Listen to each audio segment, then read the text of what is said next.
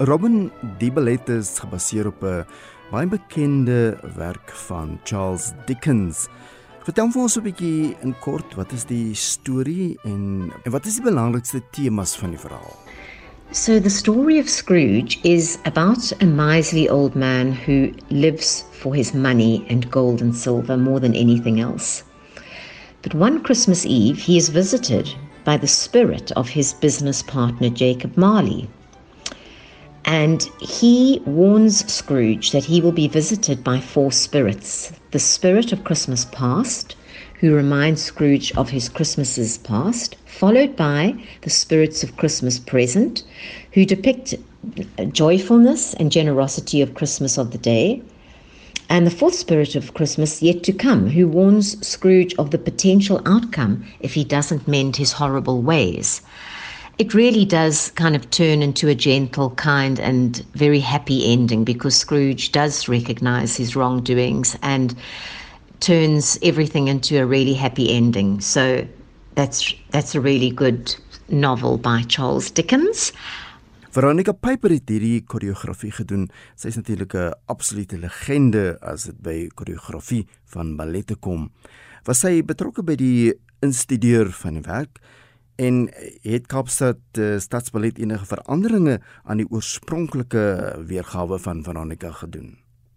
So yes, the ballet is the original work of Veronica Paper and she is working on the ballet herself right now. Nobody else is doing it. It's her work. And no, she hasn't changed anything. It is the original. You know, she does have creative license to adapt things if she feels it's necessary. But generally, it is her original ballet with all the beautiful sets and costumes, making it such a festive season um, success.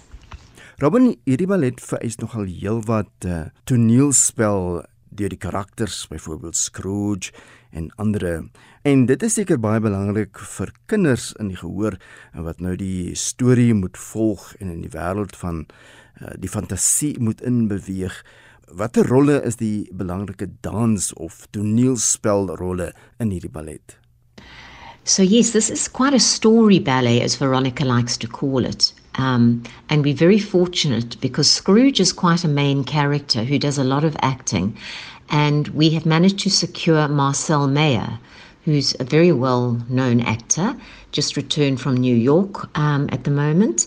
And so he does the role of Scrooge, which he's done, I think, two or three times now. So he's very comfortable being the actor on stage amongst all the dancing.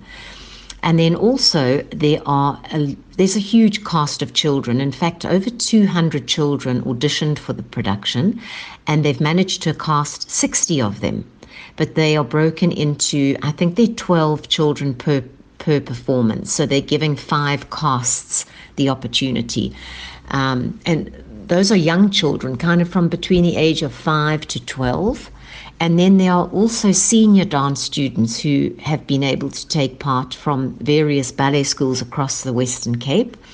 And I think there are about 20 of them, which is a wonderful opportunity for them to experience being in a professional ballet company. Maar aan die einde van die dag is 'n Christmas Carol steeds 'n ballet en is dit ook in die klassieke styl. Is dit uh, moeilik vir julle om beide hierdie aspekte te dek? Um, the Christmas Carol is definitely a ballet. It's a classical ballet. But as Veronica says, you know, she really does like to work with these story ballets because you're able to put so much more into it um, other than just the dance. And so at Christmas time, when you've got families attending, you know, some of the dads are not familiar with ballet perhaps, and then at least there's a story that they can follow because there's acting involved and she this is her forte of marrying the two together the ballet and the story and the acting. So it does work very well. Wie is ander belangrike dansers en watter rolle? There aren't really many lead roles in a christmas carol except for some of the spirits.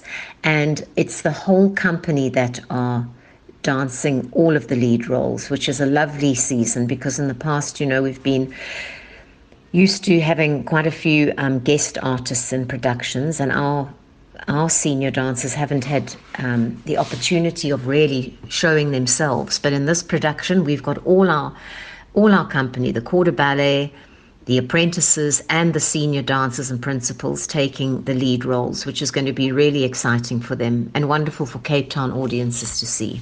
En om so 'n groot produksie bymekaar te bring, moet daar seker 'n baie sterk span agter die skerms wees. Mense dink hier aan die kostuums, aan die beligting, aan die stelontwerp. Wie was almal betrokke? Indeed, a big production requires a really big team behind the scenes, and without them, it wouldn't come across in the way it does. So, you know, this ballet is very old. It comes from 1982, I think Veronica first set it. So back then, she was very fortunate to have the very talented Dickie Longhurst design the costumes, which I can tell you are the costumes that are being worn now, and they are still as beautiful and as spectacular as back then. Um, so his costume designs were fabulous. The set designs were done by Peter Cazalet, which we all know are just magical. And, you know, he has fabulous character I want to call them dancing props like the Christmas crackers and Christmas puddings and mince pies. Um, and those were all designed by Peter Cazalet. It's, it really is very special. And then we are thrilled to have um, Faheem Bardien doing the lighting on this production. He is a well known Cape Town lighting designer and um, he will work his magic. So, all in all, it's, um, it's a great team of experts that have brought this to stage. En dan Robin, het jy 'n baie spesiale vertoning op die 29ste Desember. Vertel vir ons 'n bietjie meer daaroor. So the performance on the 29th of December is quite a special one because it is our last Christmas carol performance and our last performance of the year before we go on holiday. The company actually takes holiday after that this year. And so what we put together was to end the the whole year and the season on a special note. And Veronica suggested that Sean Bovim create an additional 20 minute program that will be performed straight after a Christmas carol. There'll be a short five or 10 minute break. And then he has put together some wonderful pieces of his work um, that are familiar as well as new pieces. And this has been such great fun for the dancers to have this other element other than a story ballet, but some of Sean's exciting, really beautiful choreography, some of his swing time at the ballet, Queen at the ballet um, pieces will be on show. And so basically, you get two shows for the price of one on the 29th, and there will be bubbly at interval to celebrate the end of the year. And yeah, we hope that audiences will really enjoy and appreciate having this diverse evening of, of dance, um, which should end the year on a really special note. So we hope to see as many of our patrons and guests at the theatre on, well, throughout the season, but especially on the 29th of December. And that little program that Sean's doing is called Celebratory Encore.